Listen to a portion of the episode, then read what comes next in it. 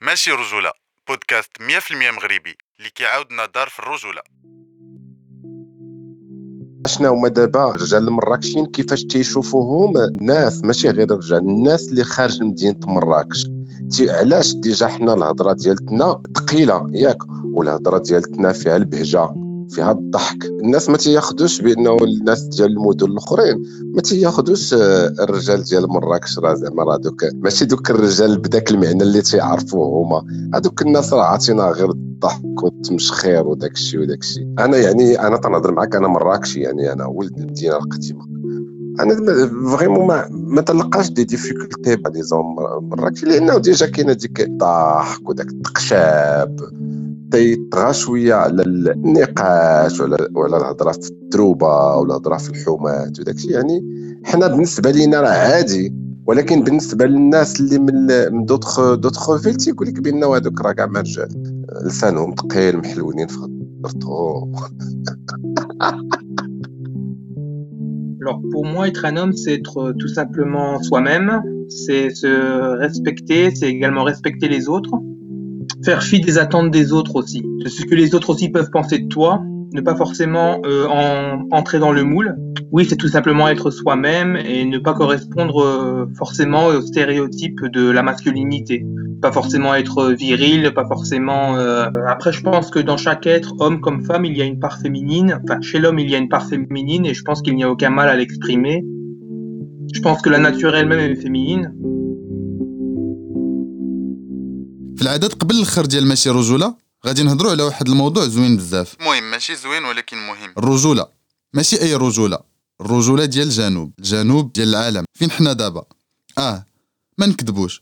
في الجنوب ديال العالم الرجولة سامه ذكوريه صعيبة. زايدة نغزة. حيت الحقوق اللي كتحمي ضد التحرش الاغتصاب يا ما كايناش. يا ما كافياش. التحرش في دول بحال المغرب ودول أخرى في المنطقة. مرتفع بزاف وزيادة على الأرقام اللي تقدر تلقاها إلا ضربتي دويرة في جوجل. يمكن لك تضرب دويرة في الزنقه في أي مدينة مغربية وتشوف كيفاش الشباب الولاد كيتعاملوا مع البنات في الشارع. كاين اللي كيحسب ليه كلمة زوينة وحلوة ماشي تحرش. وكاين اللي كيحسب ليه إلا لاح هذيك الكلمة وهو راكب في الطوموبيل راه ما بقاتش تحرش. وكاين اللي كيحسب ليه التحرش غير هضره داكشي علاش سد فمو بقى غادي ورا بنت في الزنقة. بلا ما يعرف باللي هي في هذيك اللحظة راه ما كتحسش بالأمان. صاحبي. واحد المرة وأنا غادي في الزنقه شفت دري كيدافع على بنت تبعها واحد الدري آخر. قلت في شكال هادشي أنا مشيت بعيد وسولت سؤال فلسفي. واش الاولاد اليوم كيخصهم يستغلوا الامتيازات ديالهم باش يدافعوا على النساء والناس اللي كيتعرضوا للاضطهاد في الزنقة؟ ولكن كل شيء مشى فاش سمعتو كيقول ما احترمتينيش. واش ما شفتهاش معايا؟ كون غير كانت بوحدها صاحبي. أواه ليغو ديال الرجال كيحضر حتى في هاد اللحظات حتى باش تدافع على إنسان القوانين ما كتحميهش. ولكن في الصراحة العيب ماشي غير ديال الرجال العيب ديال القوانين اللي ما كتحميش. والمجتمع الذكوري اللي كيظلم وكيضطهد. هادشي كامل وباقي ما دخلتش في الموضوع. يلا ستاسيونيت حداه الموضوع ديال اليوم هو شنو اللي كيخلي هاد الرجال يديروا هاد التصرفات السامة. نقدروا نبدلوا كلمة سامة بزاف ديال الكلام. السيبه التبرهيش البساله قلة الأدب. واش غير حيت القوانين ما كترداش وكتشجع على هاد التصرفات ولا الرجال في المغرب متحرشين؟ وسلوكاتهم السامه كثيره مقارنة برجال وحدين آخرين في بلدان وحدة آخرى. واش داكشي مكتسب؟ حيت كاين غياب ديال التربية على المساواة التربية الجنسية الفن الثقافة وزيد وزيد. وأنا كنشتغل على هاد العدد اللي كيهضر على الرجولة في المغرب. كان خصني نحاول نجاوب على هاد السؤال. علاش؟ وشكون اللي عطى للمتحرش وجه وشكل وحوايج وطبقة اجتماعية؟ علاش المشرمل إلا تورط في قضية ديال التحرش كلشي كيقول يديرها. شوف حالته كي دايرة. ونهار المغتصب كيكون كيغني انت باغية واحد الأغلبية كتقول ما يديرهاش. بوغوس ولد الناس. شنو اللي كيخلي مغربي عربي أو إفريقي في أوروبا كوبابل بريزومي غير حيت كحل؟ سمر غوبو وكيخلي واحد كلاس مرفح مخرج معروف. سياسي سلقوط بريء واخا تتم إدانته. هاد الأسئلة يمكن لك تجاوب عليها بلا. هادشي ما كاينش. وفي هاد الحالة غادي نكونوا كنكذبوا حيت الواقع الأرقام الدراسات التجارب ديال الناس التجارب ديال النساء دويرة في الشارع كتقول العكس. آه في بلاد بحال المغرب كاين التحرش كاين الاغتصاب كاين العنف ضد النساء. وإلا جاوبنا باه هادشي كاين غادي خصنا واحد علي لجوابك وإلا قلتي المغاربه قنص قصيف داكشي عندهم في الدم العرب والأفارقة هادو ما حالهم. غادي تكون عنصري وظالم وكتطبق أحكام مسبقة. وإلا قلتي هذا الشيء واقع أجي تفهم علاش. باش نفهموا علاش غادي خصنا نسمعوا لهاد الحلقة حتى الأخر. وحيت أنا بحالك ما عنديش الجواب وما عنديش المعرفة الكافية في هذا الموضوع. اختاريت نعرض على جوج ديال النساء اللي متمكنات من هذه المواضيع. في هذا العدد عرضنا على فرانسواز فيرجيس خبيرة في قضايا السياسة المتعلقة بالاستعمار والنسوية التقاطعية وعلى مونيا لشهب أستاذة علوم اجتماع من تونس اللي كتشتغل على قضايا النوع الاجتماعي بالمفهوم الشامل ديالها.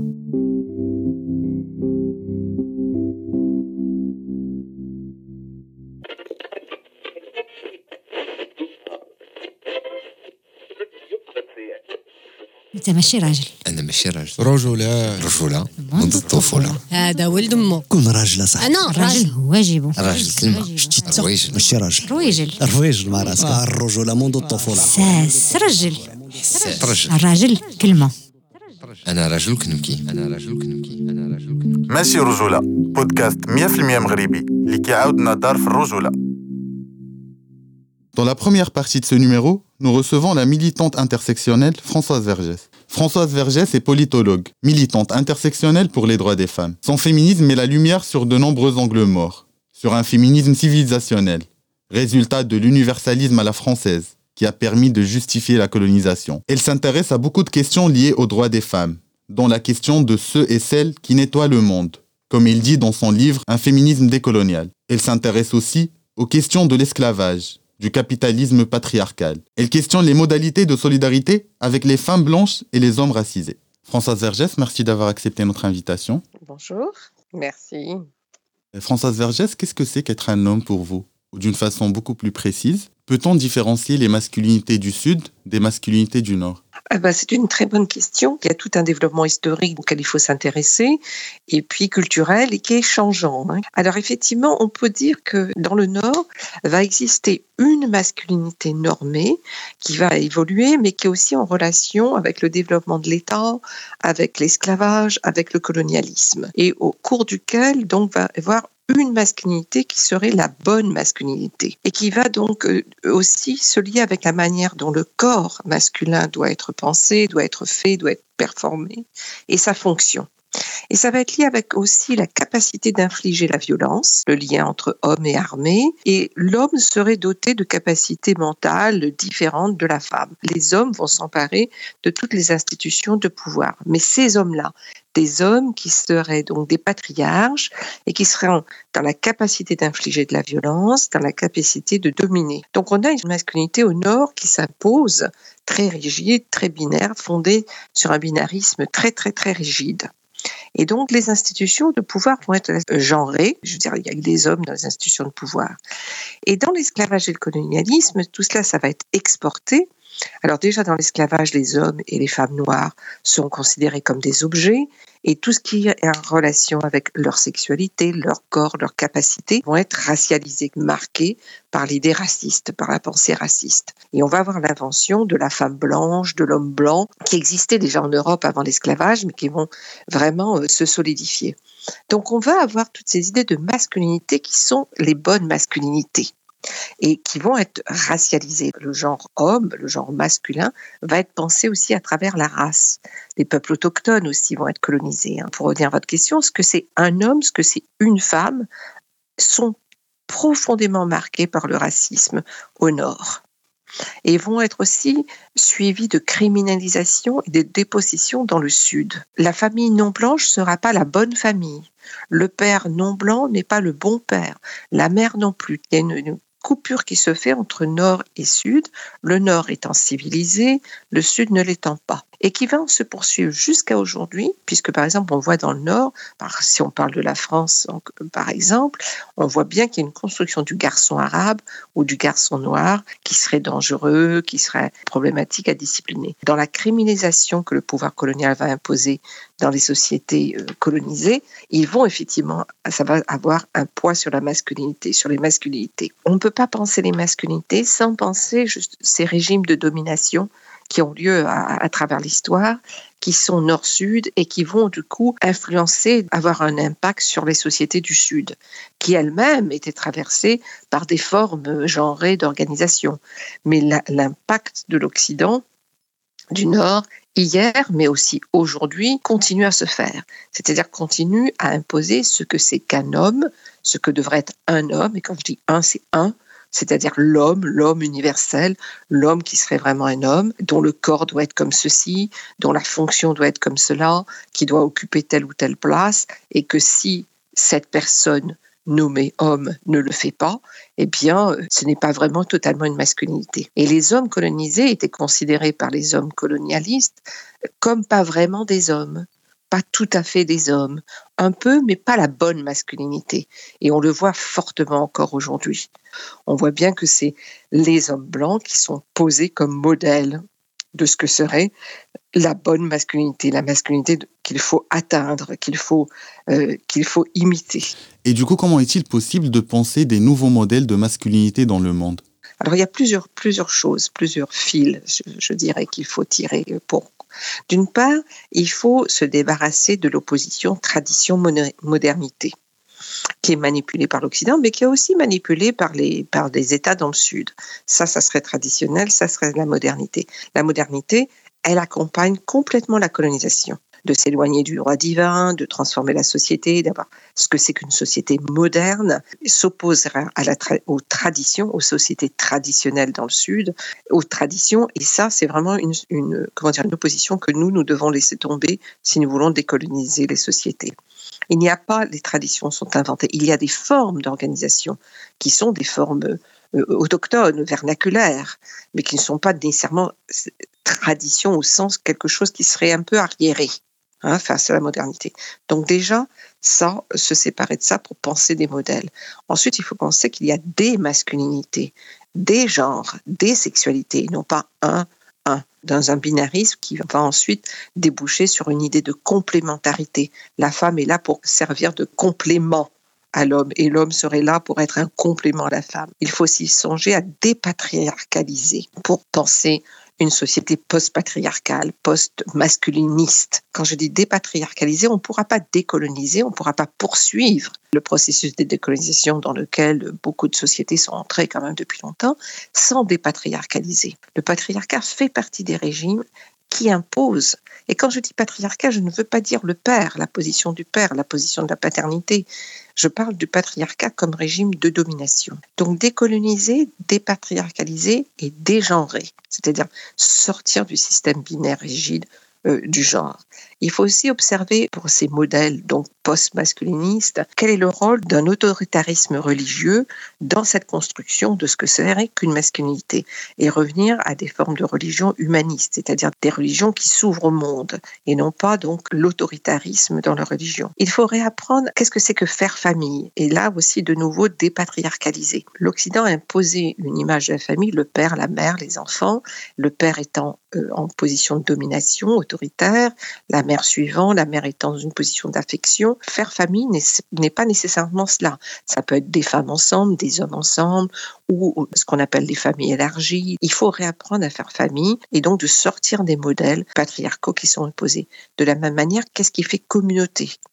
Et les communautés telles qu'elles ont été posées par l'État, il faut voir comment faire communauté.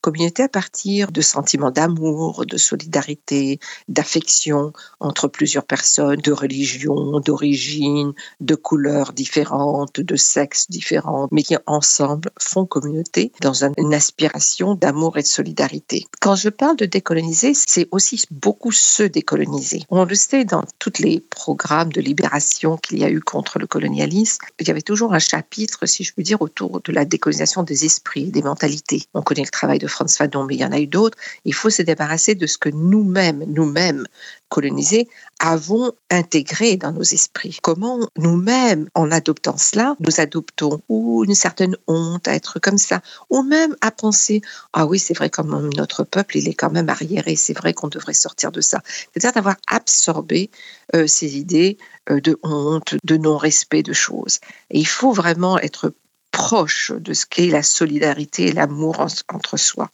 Il faut aussi comprendre pour penser à ces, à ces modèles du présent et du futur, comment se fabrique le consentement aux inégalités, aux injustices. C'est-à-dire comment on finit par se dire ah ben oui c'est normal, ben c'est comme ça, il n'y a pas d'alternative, ça a toujours été comme ça. Le ça a toujours été comme ça, c'est jamais vrai, ça n'a jamais toujours été comme ça. Et le monde dans lequel nous vivons, c'est le monde que nous fabriquons. C'est pas le jour qui se lève et la nuit qui arrive, ça. C'est nous qui faisons le monde. Ce n'est pas normal qu'il y ait des injustices, des inégalités, la criminalisation de formes de sexualité, des homosexualités, du lesbianisme, des queers, des trans, du travail du sexe, de femmes qui veulent vivre seules, qui veulent vivre en communauté. Tout cela, ce n'est pas normal que ce soit criminalisé. C'est une fabrication. Donc on, veut, on, doit voir comment on fabrique le consentement à l'injustice, à l'inégalité, le sens commun. Non, mais c'est comme ça, mais ça a toujours été comme ça. Qu'est-ce que tu veux faire? Il n'y a pas d'alternative. Si, il y a des alternatives. Il y en a toujours eu et, pour, et, et les luttes ont montré qu'il y avait des alternatives. Donc il faut aussi dénaturaliser. Donc pour penser les propres modèles, il faut dépatriarcaliser, décoloniser, dégenrer, dénaturaliser et se décoloniser ensemble collectivement. Quand je dis se décoloniser, c'est pas toute seule dans son coin comme ça que je vais le faire, mais en même temps, je dois penser à la manière dont j'ai moi-même absorbé euh, des pensées euh, de domination, des pensées de pouvoir, des pensées coloniales. Ce que Franck Fanon dit peau noire, masque blanc, c'est-à-dire voilà, je veux en fait être blanc, je veux être le plus près du blanc et donc de ce modèle-là. Mais de ne pas comprendre que ce modèle, c'est un modèle qui repose sur la domination, qui repose sur l'exploitation, et que le blanc, c'est une invention. C'est aussi une invention et qui donne aux blancs des compétences et des talents qui ne sont absolument pas du tout, euh, je dire, ils sont pas plus compétents, plus talentueux euh, que des gens, par exemple, puisque vous êtes au Maroc, que des Marocains. C'est absolument pas. Mais c'est présenté comme cela. Et donc, il faut vraiment qu'on déconstruise cela.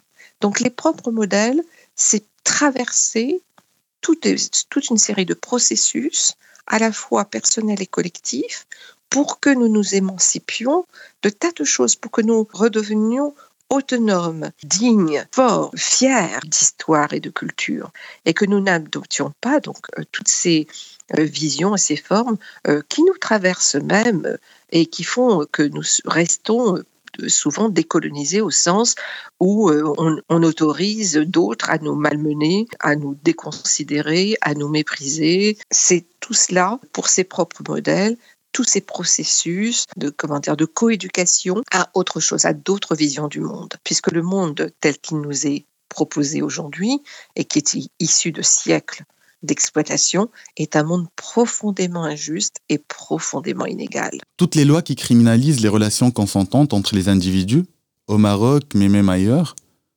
sont à l'origine coloniale et aujourd'hui elles sont défendues par les conservateurs. Comment peut-on lutter contre ces lois liberticides d'un point de vue décolonial? Alors, euh, parce que justement, il faut voir comment tout ça s'imbrique, si vous voulez. Le colonialisme a criminalisé l'homosexualité dans énormément de sociétés et, comme vous le remarquez aussi, a imposé des formes de vêtements, les fameuses robes tahitiennes qui seraient traditionnelles, c'est totalement une invention de missionnaires ou de des tas d'autres choses dont on voudrait parler, ou l'obsession sur le voile dans les sociétés d'Afrique du Nord. Donc tout cela, hein, ou la manière de, voir les corps noirs, etc. Donc tout cela, il y a une marque coloniale forte et qui est reprise ensuite par des États postcoloniaux pour maintenir leur domination et le pouvoir, qui reprennent ça et qui ensuite transforment des lois qui étaient des lois coloniales en tradition en disant c'était ça la tradition notre société, c'est comme ça chez nous. Mais c'est justement cette déconstruction de tradition, c'est-à-dire que il faut lutter contre des institutions qui imposent l'injustice et l'inégalité. Donc quand on nous répond, mais là vous faites le jeu de l'Occident, non, nous luttons à la fois contre l'occidentalisation et contre les systèmes de pouvoir locaux, post-coloniaux, qui perpétuent une domination, qui perpétuent l'injustice. Et en luttant contre cela, nous ne sommes pas en train de monter dans le train de l'Occident, nous sommes en fait, ce que nous visons, c'est des libérations. Et l'Occident, c'est pas la libération, c'est des maintenances d'autres formes d'inégalité. Alors l'Occident maintenant a décriminalisé les homosexualités, mais aussi pour faire ce qu'on appelle du pinkwashing, c'est-à-dire de, on peut finalement réintégrer des gays euh, dans le système capitaliste. Si les gays sont d'accord avec euh, les, les, injustices sociales, ben, il n'y a pas de problème. On peut en avoir même qui seront ministres, du moment qu'ils acceptent les normes de la domination. Dans des États postcoloniaux, euh, ça se présente comme opposition contre l'Occident, contre ce que l'Occident veut imposer comme norme. Et bien sûr, il faut s'opposer aux normes occidentales, parce que ces normes occidentales ne vont pas nous libérer. Quand l'Occident décriminalise l'homosexualité, c'est pour faire du pinkwashing. C'est pour en fait poursuivre euh, la domination, mais sous d'autres formes. Et là, la réaction des pays postcoloniaux, des États postcoloniaux, en disant non, nous, nous allons garder nos traditions, en fait, perpétue la domination des groupes, des minorités que ce soit les minorités autochtones, que ce soit les minorités gays, les minorités queer, les travailleurs du sexe. Ce qu'il faut combattre, c'est les régimes de domination qui perpétuent les inégalités et qui fait que nous, on doit, enfin quand je dis nous, justement ceux, celles et ceux qui veulent autre chose, on doit travailler sur, sur plusieurs plans. On est à la fois en train de lutter contre l'occidentalisation, mais lutter aussi contre la manipulation d'une histoire qui serait traditionnelle. C'est ça comme nos sociétés. En fait, si on s'appuie sur les, sur les sociétés, c'était des sociétés beaucoup plus ouvertes et beaucoup plus euh, tolérantes, pour utiliser ce terme, que ce qu'on nous raconte. C'est vraiment euh, refuser le discours civilisateur de l'Occident voilà, ça c'est moderne, mais regardez ces pays, regardez le Maroc euh, qui criminalise l'homosexualité. Nous, nous sommes mieux, nous au nord, nous sommes mieux, nous sommes ouverts, etc. Et nous allons d'ailleurs accuser le Maroc. Donc c'est une manipulation du discours civilisateur, comme sous le temps de la colonie. Sous le temps de la colonie, ça a été la criminalisation de l'homosexualité, parce que justement, ça servait à l'époque le projet colonial. Aujourd'hui, c'est d'autres choses qui servent le projet, les nouveaux projets coloniaux, qui ne sont plus du tout sous la même forme qu'au XIXe siècle. Donc c'est cela que nous, nous devons chaque fois euh, analyser, c'est la manière dont les systèmes de domination s'imbriquent. Et il est vrai que les systèmes de domination dans le Sud sont moins puissants que les systèmes de domination de l'Occident. Le Maroc a cet article qui criminalise l'homosexualité, mais il n'est pas incapable de l'imposer au Togo. Le Maroc ne va pas arriver au Togo en disant voilà, maintenant vous allez l'État marocain ne peut pas le faire. Il y a effectivement des inégalités dans la capacité d'imposer à d'autres peuples euh, sa loi, et l'Occident détenant la plupart des grandes organisations internationales et détenant le pouvoir sur ces grandes organisations internationales, ayant aussi, comme vous le disiez auparavant, imposer une idéologie de droit de l'homme, c'est ça les droits de l'homme, enfin les droits, les droits humains, c'est comme ça qu'il faut les penser, continue donc cette hégémonie idéologique. La domination, c'est pas simplement d'envoyer l'armée, c'est aussi d'imposer des idéologies. L'idéologie coloniale, c'était l'idéologie de la civilisation contre la barbarie. Aujourd'hui, ça continue un tout petit peu, mais c'est aussi euh, l'idéologie libérale, euh, nous, nous sommes pour l'égalité, nous sommes pour la liberté, nous sommes pour la décriminalisation de l'homosexualité, nous sommes pour le mariage pour tous, et tout cela, tout en maintenant des politiques de dépossession, des politiques d'exploitation et des injustices. Donc il nous faut constamment voir que ces formes de progrès que propose l'Occident, qui étaient les mêmes sous la colonie. La colonie, c'était pour nous sortir de la barbarie. C'était la mission civilisatrice. Nous allions devenir des civilisés. Aujourd'hui, c'est mais devenez comme nous. Pour autant, les inégalités, les injustices, le racisme se maintiennent. Françoise Vergès, pourquoi est-il important aujourd'hui de se mobiliser pour un féminisme inclusif et intersectionnel? Face à un féminisme dit universaliste et que vous qualifiez, vous d'ailleurs, de civilisationnel alors, sur la question du féminisme, ce qui est très important, c'est que le féminisme n'était pas si puissant pendant la colonisation. On ne peut pas le dire, c'est pas vrai. Les féministes européennes étaient pour la colonisation parce qu'elles pensaient que ça sortirait justement ces sociétés de la barbarie et que les femmes seraient moins opprimées, mais elles n'étaient pas, elles pas si puissantes. Leur puissance, elles l'obtiennent dans les années 2000, au moment où finalement il y a un renversement aussi en Occident et où l'Occident se rend compte que la question des droits des femmes va pouvoir aider l'emprise de l'Occident sur les sociétés du Sud. Parce que qui est contre les droits des femmes hein? Qui va être contre le mariage forcé des petites filles? C'est une idéologie qui se présente comme étant totalement progressiste. Le capitalisme et l'impérialisme se rendent compte, n'oublions pas que quand les États-Unis lancent la guerre contre l'Afghanistan, c'est pour dire nous allons aussi sauver les femmes afghanes qui sont écrasées par la société afghane et il y a toute une image avec les femmes avec la burqa et que voilà, etc. Donc il y a tout un discours qui se met en place de plus en plus fortement et qui va vraiment se consolider. Parce qu'il fallait, d'une part, dans ce féminisme, effacer les luttes des femmes dans le Sud, qui avaient eu lieu. Contre le colonialisme ou des luttes aussi contre des patriarcats locaux, parce que que ce soit au Maroc ou ailleurs, les femmes, elles ont toujours lutté. Mais il fallait effacer ces luttes et montrer que les seules manières de lutter pour la libération des femmes, c'était la manière occidentale, c'est-à-dire l'égalité entre les hommes et les femmes. Mais quelle égalité Avec quels hommes? La masse des ouvrières agricoles dans le Maroc, qu'est-ce que ça veut dire de parler de l'égalité des hommes et des femmes? Qu'est-ce qu'on, ou la masse des femmes qui travaillent dans les usines euh, euh, de, de, des, zones libres, là, hein, ça veut dire quoi? Donc, on, euh, ces droits des femmes étaient des droits en fait complètement abstraits, mais universalisés. Et c'était les droits tels que l'avait conçu l'Occident et qui allaient devenir des droits universels. Donc les femmes occidentales, les féministes occidentales détenaient l'universalisme. Hein, c'était elles qui avaient compris. Et l'Europe était, euh, est, est devenue le terrain naturel sur lequel seraient nés les droits des femmes. C'est l'Europe qui aurait compris cela. Le reste du monde n'aurait pas compris. Et donc, il fallait apporter ça au reste du monde. Mais on sait qu'il y a des sociétés matrilinéaires. On sait qu'il y a eu des sociétés où les femmes ont participé au pouvoir de décision. Je ne veux pas idéaliser, je ne veux pas dire tout était formidable, mais on le sait. On sait que les femmes ont toujours, par exemple, travaillé. Toujours, toujours travaillé dans les sociétés du Sud, toujours. Mais tout d'un coup, voilà, l'image de la femme libérée qui travaille, c'est en fait la citadine, euh, qui a une voiture, qui porte des jupes, enfin toute cette espèce d'image qu'on nous montre, ou qui était formidable, alors qu'aujourd'hui, elles sont toutes voilées.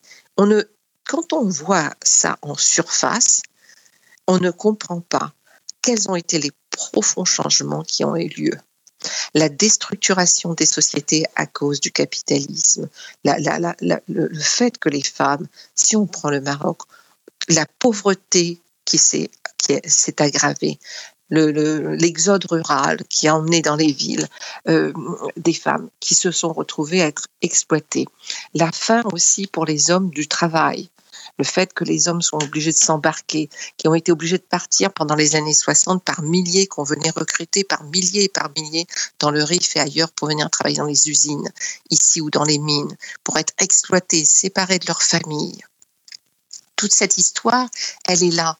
Et donc, quand on nous raconte, quand le féminisme civilisationnel nous raconte son histoire, c'est une histoire tronquée, c'est une histoire mensongère qui ne tient pas compte de ce que pendant ce temps-là, tout, ce qui se passait sans parler de sous les régimes, le, les, régimes de certains euh, moments d'extrême répression, mais de totale répression, qui a été soutenue par l'Occident, et que où des oppositions, qui étaient des oppositions de gauche à l'exploitation et à, à l'injustice étaient écrasées par les régimes et que l'Occident ne disait pas grand-chose, continuait à soutenir les régimes en place. Tout ça, ce sont des évolutions historiques dont il faut tenir compte. Et le féminisme civilisationnel se présente comme quelque chose qui serait resté tout le temps la même chose, voyez, comme une espèce de truc atemporel, de siècle en siècle, luttant pour les droits des femmes, pour voilà, pour la libération des femmes. Et l'harcèlement sexuel deviendra plus important que l'incroyable pauvreté dans laquelle sont euh, des, masses entières, pas seulement de femmes, mais évidemment énormément de femmes. Et on va oublier les luttes des ouvrières agricoles, on va oublier les luttes de femmes autour des mines ou les luttes de femmes dans les usines pour glorifier la, question effectivement de, de, de, progrès dans les lois. Alors on va lutter pour qu'il y ait une, par exemple une loi sur le divorce, mais on ne va pas tenir compte des questions économiques qui fait que peut-être, ben oui, il y a divorce, mais comment on vit? C'est-à-dire que tout cela est lié. Quand on parle d'intersection, c'est cela. Il n'y a pas une femme. La, la femme, elle n'existe pas en dehors de tout, ce, contexte. Et la réaction des sociétés qui disent mais ça c'est de l'Occident, ce féminisme occidental, ça fait, ça fait partie presque de manière perverse de ce discours d'opposition entre tradition et modernité, la ville. Mais ce qu'il faut faire, c'est retrouver les luttes locales, retrouver les luttes féministes euh, marocaines ancrées dans le terrain marocain, les luttes des femmes dans le Rif, les luttes des femmes dans le Sud, les luttes des femmes dans les, dans les villes. Mais ces luttes-là n'ont pas nécessairement la forme des luttes féministes du Nord. Ce n'est pas nécessairement la manifestation dans la rue avec des banderoles. C'est aussi euh, dans les communautés, les, les, les, les, formes de solidarité qui se sont faites entre les femmes dans des quartiers, des associations qui font, les, les femmes qui se, qui se syndicalisent, qui se rejoignent des syndicats, tout cela, ce sont des luttes féministes, mais qui sont présentées par ce féminisme civilisationnel comme secondaire, pas important, parce que ce féminisme civilisationnel, il est devenu le bras armé de l'impérialisme et du capitalisme libéral. C'est comme ça que tu seras libre. Toi, si tu es une femme, c'est comme ça que tu deviendras libre. Oh, peu importe tes sœurs. Et puis de toute façon, là, regarde, elles portent le voile, elles sont arriérées, sans essayer de comprendre pourquoi, sans essayer de comprendre ce qui s'est passé, sans faire d'analyse historique et politique de toutes les transformations sociales qui ont amené la société marocaine aujourd'hui. Et donc, ce serait comme si la société marocaine elle-même, elle avait été figée. Alors voilà, les hommes là, et c'est le harcèlement dans la rue. On va, on va mettre une loi, comme si en plus la loi avait, aurait changé les choses. Quoi. On va envoyer plus d'hommes en prison, ça va arrêter le harcèlement sexuel dans les rues. Est-ce qu'on tient compte de la manière dont le, capitalisme euh, détruit aussi les familles, détruit les aspirations des jeunes hommes et des jeunes femmes, fait qu'il y a une misère sexuelle, comme on le dit?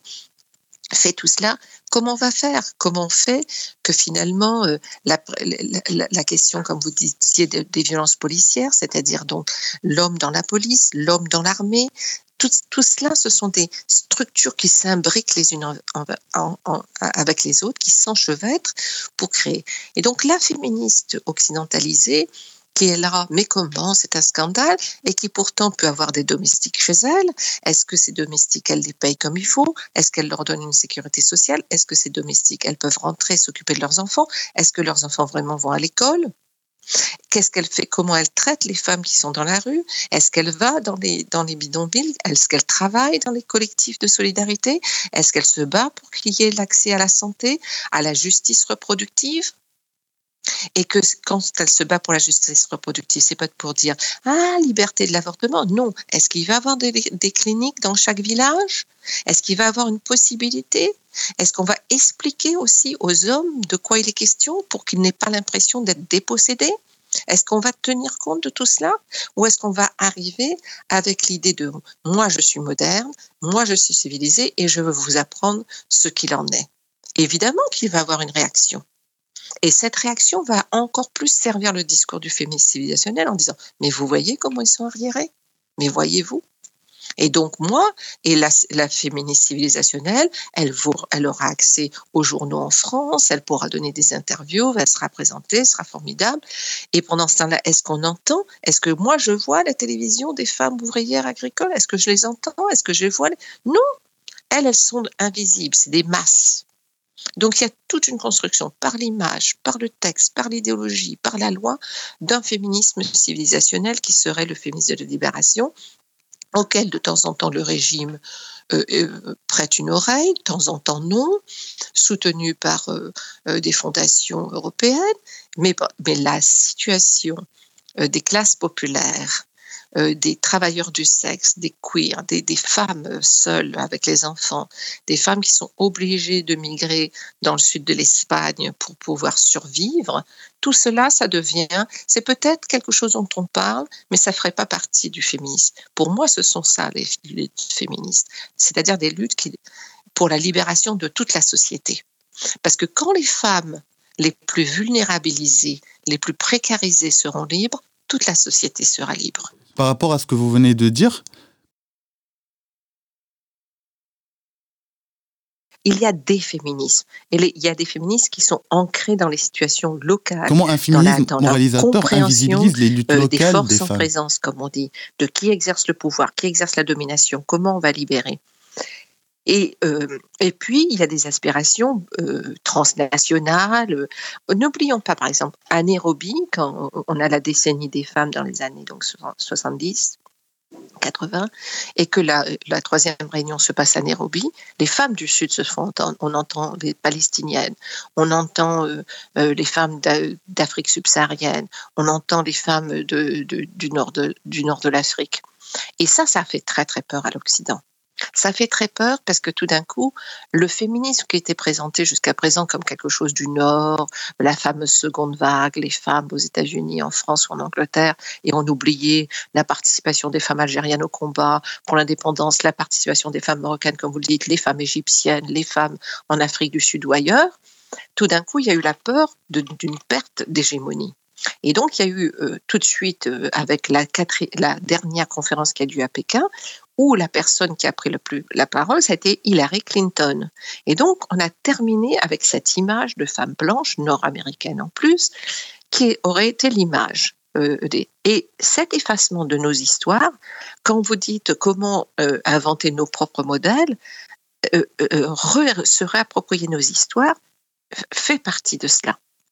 Dire, mais non, mais nous, nous avons eu des femmes qui ont lutté avec courage, avec ténacité, et que c'est ça nos luttes. Et ça vous plaît pas, ça correspond pas à votre truc. Pour nous, c'est pareil. Ça peu nous importe. La manière dont vous construisez l'histoire, c'est votre affaire. Nous, on la construit autrement. Et que, euh, par exemple, la question de la scolarité, c'était extrêmement important parce que le colonialisme faisait en sorte qu'il n'y ait pas de scolarisation. Et donc, la scolarisation était un combat extrêmement important. Parce que maintenir la, po- la population colonisée dans l'analphabétisme, c'était très important. C'était fondamental pour que le colonialisme se poursuive. C'était maintenir les gens dans la misère, dans la dépossession. À venir installer d'immenses plantations, d'immenses domaines où les gens étaient transformés en ouvriers agricoles et les femmes redomestiquées ouvrières agricoles dominées. Où le viol était tout à fait permis, autorisé, euh, en totale impunité pour les hommes, pour les colonisateurs qui le pratiquaient. Et, euh, donc une violence consubstantielle, systémique au système et qui s'est poursuivie euh, et que les pouvoirs coloniaux ont poursuivi, euh, postcoloniaux ont poursuivi. Parce que les pouvoirs postcoloniaux, à un moment donné, je veux dire, ils ont euh, très rapidement, pour beaucoup, ils se sont soumis à l'ordre mondial. Donc la, question de la reprendre, de se réapproprier nos textes et nos histoires est fondamentale dans les luttes de libération. Fondamentale. Et de, ne, de refuser la temporalité qu'impose euh, l'Occident, c'est-à-dire, ah ben au 19e, il y a ça, puis la seconde vague du féminisme, puis la troisième vague, on s'en fiche. Nous avons eu nos histoires avec nos temporalités, nos spatialités, avec des, discours. Alors peut-être que c'était pas assez, mais on avance, on a avancé. On est, nous n'avons jamais été des sociétés rigides, figées. Nous avons été des sociétés constamment qui nous mènent, et il y a toujours, toujours eu dans tous les pays du Sud des femmes qui se sont levées, qui ont lutté. Mais, comme vous le dites, avec une visée aussi sociale, économique et politique. La lutte de libération des femmes ne se situait pas simplement dans le fait que des femmes acquièrent des postes, mais dans le fait que toute la société puisse être plus libre, plus égale, plus juste. Françoise Verger sont présentes les hommes du Sud, qu'ils soient arabes, africains, maghrébins ou même amazirs, comme des hommes sexistes et masculinistes. Qu'en est-il de ce regard? Alors là, euh, au début, je disais, la, la, civilisation est allée aussi beaucoup profondément avec le racisme. Profondément. Il n'y a, pas de, a pas de colonisation sans racisme, il n'y a pas de capitalisme sans racisme. Hein, il n'y en a pas. Donc, euh, le racisme, c'est quand même d'assigner de, des personnes à des, à des images qui, qui justifient ensuite l'oppression et l'exploitation. Donc, de dire des hommes du Sud qu'ils étaient plus violents, alors les hommes noirs étant finalement comme des grands enfants, pas tellement capables de penser, extrêmement sexualisés, et les hommes, alors ça c'est dans la colonisation française, mais on pourrait parler de la colonisation anglaise, et les hommes arabes étant fourbes, violents, euh, enfermant les femmes, toute l'obsession qu'il y a pendant le 19e siècle euh, chez les orientalistes français pour le harem et la femme voilée, tout cela, construisent effectivement des, masculinités dans le Sud qui seraient plus misogynes et plus violentes. Or, de nouveau, c'est euh, l'homme, euh, l'homme qu'il faudrait, l'homme qu'il faudrait, et on présente, si vous voulez, de nouveau des sociétés qui seraient hostiles par nature, par nature, à l'égalité. Et particulièrement en France, pour la France, les sociétés musulmanes seraient par nature hostiles à l'égalité entre les femmes et les hommes. Par nature, les hommes seraient plus violents et plus masculinistes. C'est évidemment une totale euh, invention. La violence, elle est systémique, elle est structurelle à l'organisation du monde depuis la colonisation. Ces massacres, génocides, dépossessions. On vole les terres, on décide que les terres, puisqu'il n'y a pas de titre de propriété, elles appartiennent à tout le monde. On transforme les gens en travailleurs, on extrait les richesses, on les emporte vers le nord, on appauvrit les sociétés, on déstructure les sociétés, on, installe une violence systémique, systémique.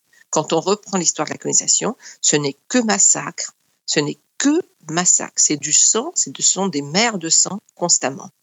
Et là-dessus, on va dire ah non mais c'est c'est-à-dire on va cacher l'Occident va, va masquer cette violence qui lui est euh, quand je dis l'Occident donc cette construction qui lui est consubstantielle qui est inévitable.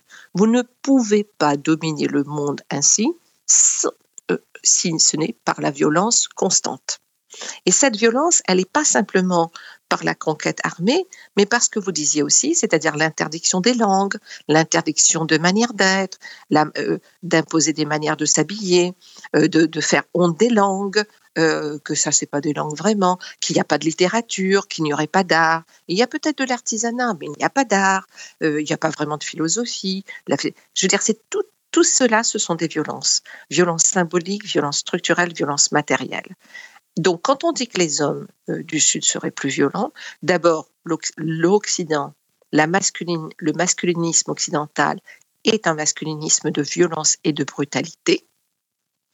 Et là, l'organisation du monde aujourd'hui, euh, qui favorise donc le capitalisme du Nord, mais aussi des capitalistes au Sud, elle est fondée profondément sur la violence. Il n'y a pas, il n'y a peut pas avoir de richesse aujourd'hui. La manière dont la richesse est pensée, elle est pensée sur la violation des corps, sur l'exploitation des corps. Donc, il faut retourner cette question en disant son plus ogive.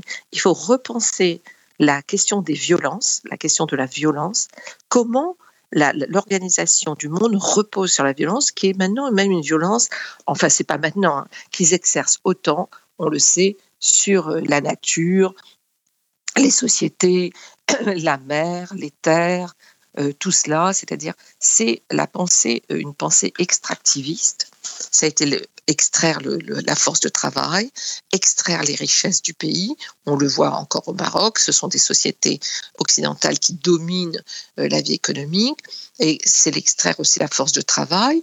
Et donc c'est, on est là, c'est ces violences-là. Donc il faut retourner les questions et parler de pour sortir des violences et dans lesquelles des hommes du Sud, évidemment, je ne suis pas non plus naïve, euh, que les hommes du Sud exercent, sont pris dans cette tornade de violence, dans cette répétition de la violence. Euh, elle est beaucoup, elle est, je dire, euh, elle n'atteint pas de nouveau euh, les violences, par exemple, des hommes au Maroc. Ce n'est pas des violences que ces hommes peuvent imposer à d'autres aussi fortement que les violences euh, de- de- des pays occidentaux, mais elles existent.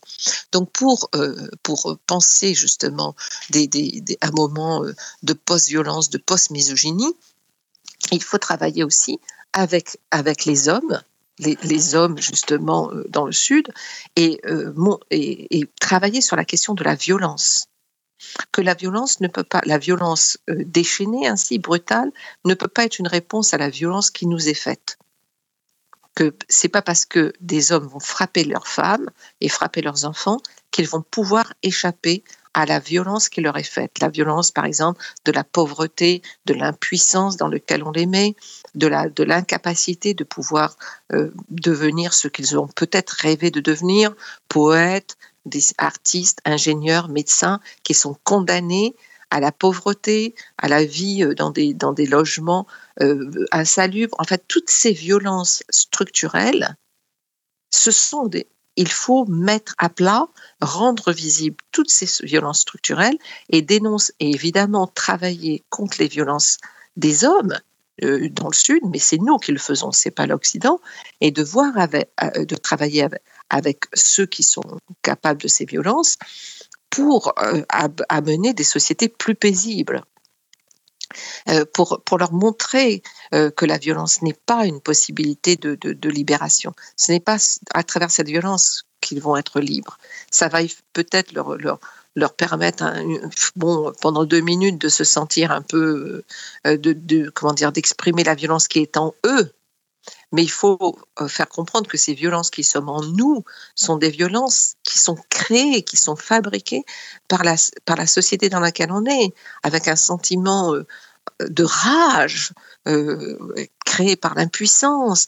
Et du coup, on va trouver que euh, ce sont les migrants qui sont responsables de ma situation. Ce sont les femmes parce qu'elles ont plus de travail que moi. Moi, je trouve pas de travail. Elles, elles ont trouvé du travail en usine ou comme femmes de ménage. Et donc, je pense, je vais, moi, homme, je vais penser que c'est ça qui est responsable de ma situation. Mais non, mais non. Ce qui est responsable de ta situation, euh, c'est cette organisation. Donc, travaille avec, joigne, sois solidaire des plus précarisés, des plus vulnérabilisés. Ensemble, nous allons libérer. Le capitalisme, c'est la fabrication euh, d'une vulnérabilité à une mort prématurée. Mais on est tous pris là-dedans. Quand je dis mort prématurée, c'est-à-dire qu'il y a certains qui naissent et certaines qui naissent et le, avec euh, euh, le, fait qu'elle et ils et elles peuvent mourir de manière prématurée. C'est-à-dire pas dans leur lit à 91 ans, mais de prématuré parce que toute la vie, euh, dès qu'ils sont petits, euh, euh, ces enfants n'auront pas accès à une bonne nourriture, à des jouets qui développent leur esprit, à une bonne école où ils sont bien traités euh, par des enseignants bienveillants, euh, avec euh, la possibilité de rêver et de pouvoir se dire bah c'est vrai, je pourrais devenir astronaute, pourquoi pas Mais on va leur dire mais non, mais toi tu es juste ouvrier agricole ou peut-être peut-être bon travailleur du sexe et encore. ou migrant et tu pourrais aller mourir dans la Méditerranée. Puis voilà, c'est comme ça. Dès le départ, il y a dans le monde aujourd'hui, et au Maroc notamment, des enfants qui naissent et dont la vie est déjà marquée, marquée pour ne pas pouvoir devenir ce qu'elle ou il pourrait devenir. Et pas nécessairement ingénieur, ça peut être, je ne sais pas, plombier ou coiffeuse ou coiffeur, je- il n'y a pas de sous-métier comme on dit. Mais il y, a, interdiction. Ensuite, ils n'ont pas accès à une bonne éducation. Ils n'ont, quand je dis bonne éducation, à tout ce qu'une éducation peut offrir. Euh, à un bon logement, c'est-à-dire euh, de vivre dans sa chambre, de pouvoir développer. À, une, à la santé. Il n'y a pas d'accès à une bonne santé avec des, des, des médecins qui vous suivent, des dentistes, etc. On, le sait. Tout cela a été. euh, tous les, tous les, tous ces services publics sont complètement euh, à genoux dans la plupart des pays du Sud, et ça arrive dans les pays du Nord. Donc, si vous voulez, c'est c'est- c'est- c'est à cela. C'est qu'il y a aujourd'hui, dans le Sud, des millions d'enfants qui naissent, garçons, filles, ou ni garçons ni filles, peu importe, sans la possibilité d'avoir une vie, euh, une vie pleine, on peut dire, une vie avec des rêves, avec des, des possibilités, euh, du bonheur, euh, euh, de choisir sa vie, sa sexualité, son genre. Il n'y a pas de possibilité. Donc effectivement, ça, ça, ça, dé- c'est- c'est- ce sont des vies entravées. Ce sont des vies, et dès- quand je dis destinées à une mort prématurée, parce que beaucoup meurent très tôt, beaucoup plus tôt que les gros bourgeois qui peuvent mourir dans leur lit. On l'a vu avec le, la dernière pandémie, enfin, que ce sont les, dans les communautés les plus pauvres et les communautés racisées qu'il y a le plus grand nombre de, de morts, que ce soit en France, aux États-Unis, au Brésil ou ailleurs. Donc, quand je dis condamné à une mort prématurée, c'est fabriqué. Ça, c'est pas, c'est pas parce que je, je, je dire, je- moi, je nais comme un bébé. J'aurais de, je devrais avoir droit à tout ce qu'un bébé peut avoir droit aujourd'hui, notamment avec tous les progrès qui ont été faits dans la psychologie des enfants, dans l'éducation, dans la santé. Et, et cela, ce sont des violences terribles. Et c'est ces violences-là qu'il faut constamment mettre en lumière et non pas se focaliser sur... et en même temps, il faut voir comment répondre aux violences de ces garçons, de ces garçons qui exercent des violences. On ne peut pas dire qu'elles n'en exercent pas. Il ne faut pas non plus se cacher. euh, mais on ne peut pas y répondre par la répression. On ne peut pas y répondre non plus en disant ils sont par nature violents parce qu'ils sont du Sud, parce qu'ils sont arabes, parce qu'ils sont noirs, parce qu'ils sont musulmans, parce qu'ils sont ceci, parce qu'ils sont cela. Non. Les hommes du Nord, la, masculinité du Nord est une masculinité hyper violente. C'est la masculinité qui a été derrière les armées, qui est derrière l'exploitation, qui est derrière l'injustice. Cette masculinité-là, c'est une masculinité qui ensuite, comment dire, di- euh, dissémine à travers le monde des formes de masculinité. Aujourd'hui, par exemple, vous avez, euh, quand vous pensez qu'au Salvador ou au Mexique, quand vous êtes un jeune garçon d'une classe populaire pauvre, la seule euh, manière de, sortir un peu de votre misère, c'est d'appartenir à un gang. Et le gang, ça veut dire une mort prématurée. Vous allez mourir à 24 ans, je sais pas quoi, parce que Dieu va avoir des bains. Enfin bref. Donc en fait, ce qui vous, est offert par la structure du pouvoir, c'est la violence comme expression, comme forme d'expression, hein, et deux, la mort prématurée.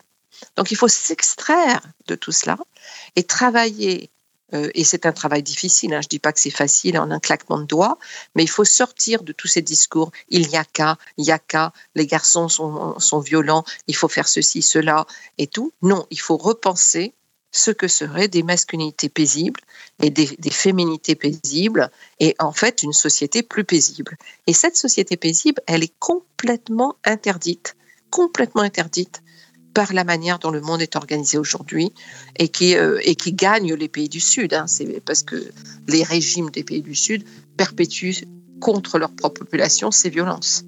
Françoise Vergès, merci d'avoir pris le temps de répondre à nos questions. Ben, je vous remercie. Je vous remercie beaucoup de m'avoir donné cette opportunité. Je vous remercie beaucoup. Je suis très très contente d'avoir pu échanger avec vous. J'espère euh, vraiment faire tout ce que je peux pour être en totale solidarité avec vos combats.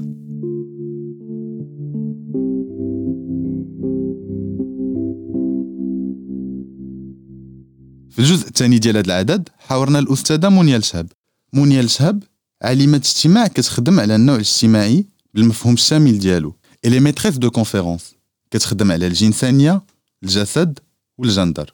من بين الكتوبة ديالها être homosexuel au Maghreb. Transgresser au Maghreb la normalité et ses dépassements. اللي كتباتو مع فيليب شودا منيا الشهاب هضرات لينا على شنو هي الرجولة d'un point de vue sociologique. الرجولة هي مفهوم طورته غاوين كونيل في ال- المرجع الأساسي متاعها اللي ظهر عام 1995 ظهر باللغة الإنجليزية ثم وقع الترجمة نتاعو في للغة الفرنسية عام 2014 الوغ في هالكتاب هذا ما عادش ممكن باش نتحدثوا على الرجولة وسنجولي معناها. هناك عديد أنواع من الرجولة.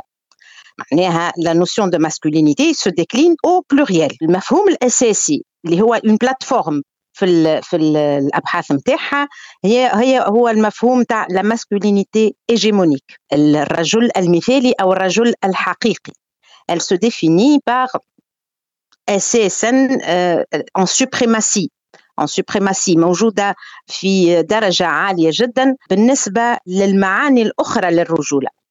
أنا هما المعاني الأخرى للرجولة. عندنا la masculinité ce que Connell appelle la masculinité complice. هي اللي تهم الرجال اللي آه، يحاولوا بطريقة متواصلة في حياتهم اليومية يقربوا للم- للمثال متاع الرجل المثالي. النوع آخر متاع رجولة هي اللي تخص سو كو كونيل أبيل لا ماسكولينيتي سوبوردوني اللي تهم الرجال مثليي آه، الجنس اللي عندهم ميولات جنسية مختلفة. الموديل الثالث هو سلوي دو لا ماسكولينيتي مارجيناليزي اللي تهم لي زوم راسيزي مثلا الرجل ذي البشرة السوداء. معناتها هو ديجا إلي مارجيناليزي مهمش بحكم لون البشرة. الأنواع هذه متاع الرجولة elles se construisent ما ثماش موديل معين محدد آه، لكل الأوقات في كل المجتمعات بنفس الطريقة. في كل مجتمع عندنا كونستركسيون بالمرجعية متاع عملية البناء هذه للرجولة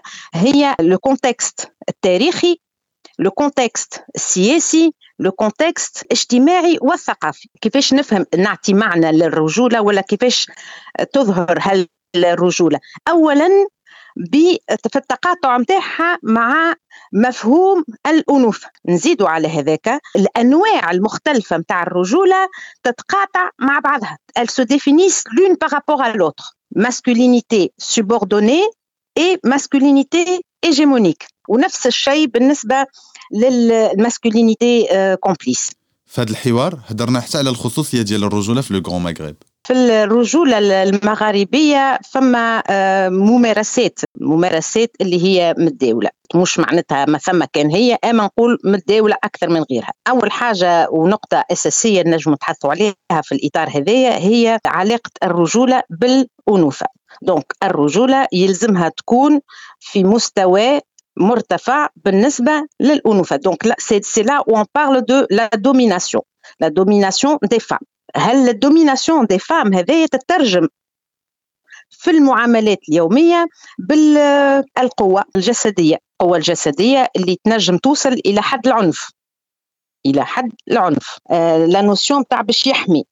هو باش يحميني أنا من ممارسات أخرى. مثلا في السي اس بي التونسي وربما موجود عندكم أنتم زادة في في المدونة آه، في المغرب الرجل هو رب العائلة. لو فات اللي هو رب العائلة ولا لو شيف دو لا فامي معناها. سي اون مانيير دو لوي اكوردي اون سوبريماسي بارابور أو فام علاش ما تنجمش تكون امرأة هي ربة العائلة؟ وقت اللي عندنا في المجتمعات المغاربية نساء عازبات وإلا نساء مطلقات ولا نساء آه، رجالهم توفاو وهما يخ يخدموا يربيوا الأولاد ويكبروهم ويقريوا وتسيتيرا دونك ال سون دون اون ديناميك سوسيال كي لوغ بيرمي اللي تسمح لهم باش يكونوا ربات عائلات. وإنما في القوانين نتاعنا تلقاهم اللي الرجل هو رب العائلة وهو المسؤول على العائلة.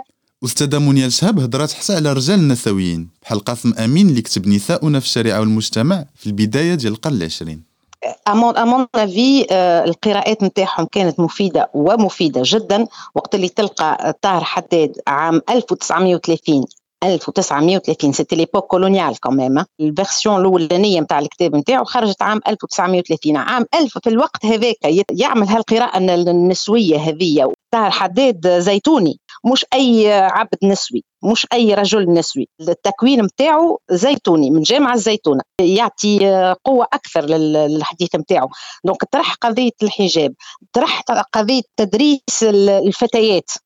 وإجبارهم على الذهاب إلى إلى المدارس عام 1930 وقت اللي المدارس ماهيش مفتوحة إلا اللي قلة قليلة من الذكور نحكي للقوه بالنسبة للتوانسة. القضايا اللي طرحهم مهمة جدا وساهمت بالتدريج رغم الضغوط ضغوط كبيرة ياسر معناها كبيرة كبيرة كبيرة ياسر سياسية اجتماعية بأنواعها وقع نبذه نبذ كبير ورغم ذلك توا لليوم في تاريخنا نرجع ديما للشدوفر نتاع نتاع طاهر حداد اللي هو امرأتنا في الشريعة والمجتمع ومساهمته في فتح آفاق مساهمته في تغيير نظرة المجتمع للأنوثة وللمرأة ولمساهمة المرأة في المجتمعات في التقدم المجتمعات. المساهمة متاع طاهر حداد في تقديري مساهمة كبيرة ياسر وفعالة. وإنما المساهمة هذه تركزت وخذت حظها بالتوجه السياسي.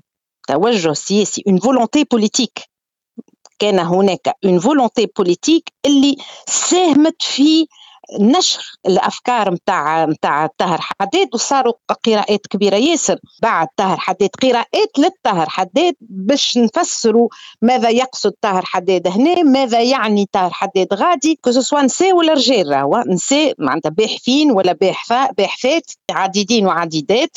ومتعددين برشا اللي ساهموا في نشر الفكر نتاع طاهر حداد وبذلك فتح آفاق لتطور مجتمعي يعتمد على القراءة النسوية لطاهر حداد. منيا الشهب دوات لينا حتى على لي زيكسبرسيون ماسكولين اي ماسكولينيست في الفضاء العام وفي الجامعة بشكل خاص. الرجولة في الوسط الجامعي ماهيش منفصلة ما تنجمش تكون منفصلة على الرجولة في المجتمع بصفه بصفة عامة.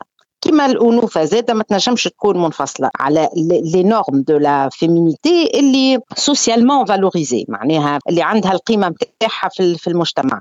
دونك باش تلقى الشباب في التمظهر نتاعو في طريقة التعامل نتاعو في لا ميز سين دو سوا حتى في طريقة اللباس نتاعو في طريقة الحديث نتاعو تقديم نفسه معناها جسديا يلزم يكون قريب أكثر ما يمكن من الموديل دو لا ماسكولينيتي لا بتيت باغب هذيك اللي هي سي اون توندونس مي با كو عندها معاني تاريخية كبيرة ياسر اللحية هذيك.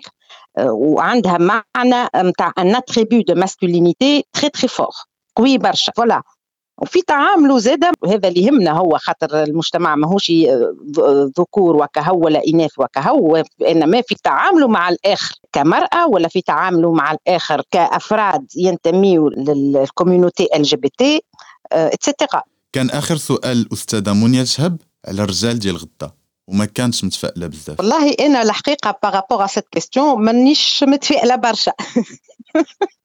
مانيش متفائلة برشا. هل النمطيه هذه آه عندها عروق. عندها عروق ومتجذرة متجذرة في المجتمعات نتاعنا. كي نقول المجتمعات نتاعنا المجتمعات عامة. لو باترياركا il est là. Euh, il est bien ancré dans les différentes sociétés بدرجات. ودرجات مختلفة. بالنسبة للمجتمعات المغاربية هي زادة متجذرة بالكدا بالكدا بالكدا. التطورات اللي نشوفوا فيهم مثلا مثلا كي تخرج أنت في الاسباس بيبليك في الفضاء العام شنو نلقاو؟ نلقاو اللي الفضاء العام هو الي جونغي معناها من الناحية العددية الرجال أكثر برشا من من عدد النساء. كي تلقى أنت الفضاءات كونفريكونت الفضاءات المقاهي مثلا ولا المكتبات في وسط الفضاء العام. شنو تلقى تلقى مثلا رجال اللي ماخذين راحتهم وقاعدين ينجم يقعد في أي بلاصة ينجم يقعد في أي وقت ينجم يخرج وينجم يمشي ويجي في وسط الفضاء العام ويغزو الفضاء العام. بينما النساء اللي تلقاهم في الفضاء العام ديما وضعيتهم محدده إما امراه ماشية للعمل نتاعها يا إما امراه تهز أولادها للمكتب يا إما امراه خارجة تقضي. في المارشي ما تلقاش نساء تدور في الفضاء العام هكاك يوليو نساء في المجتمعات نتاعنا يعرفوهم على أنهم نساء دو ماندغ مورال سي فولي في وسط هالديناميكية هذه الظهور هالتصاعد التصاعد كبير ياسر لل الإسلام بوليتيك في المجتمعات المغاربية اللي في الإسلام بوليتيك عنده خلفية عنده خلفية معينة بالنسبة لما مفهوم. الرجولة ومفهوم الأنوثة بالنسبة للرجل بالنسبة للمرأة. دونك الكل يعاون باش نزيدوا نضغطوا أكثر. على الأنوثة ونزيدوا نقويوا أكثر لو باترياركا معناها نقويوها أكثر. دونك مانيش متفائلة برشا بالنسبة للرجل ولا الرجولة في المستقبل باش تقعد مهيمنة بطريقة ما. شكرا منيا Je suis très contente de ce podcast et je suis très contente du projet lui-même. خاطر في المجتمعات نتاعنا نتحدثوا ديما على نحكي على المجتمعات المغاربية. نتحدثوا ديما على لي بروبليماتيك الاشكاليات اللي تخص المرأة. لا لا حتى الرجل والرجال والمعاني نتاع الرجولة نجموا نتحدثوا عليهم وما همش ما همش aussi clean que ça معناها. Pas de soi. Ce ne sont pas des choses qui vont de soi. العدد الآخر ديال لا سيزون الأولى من ماشي رجوله غادي يكون على الرجال ديال غدا.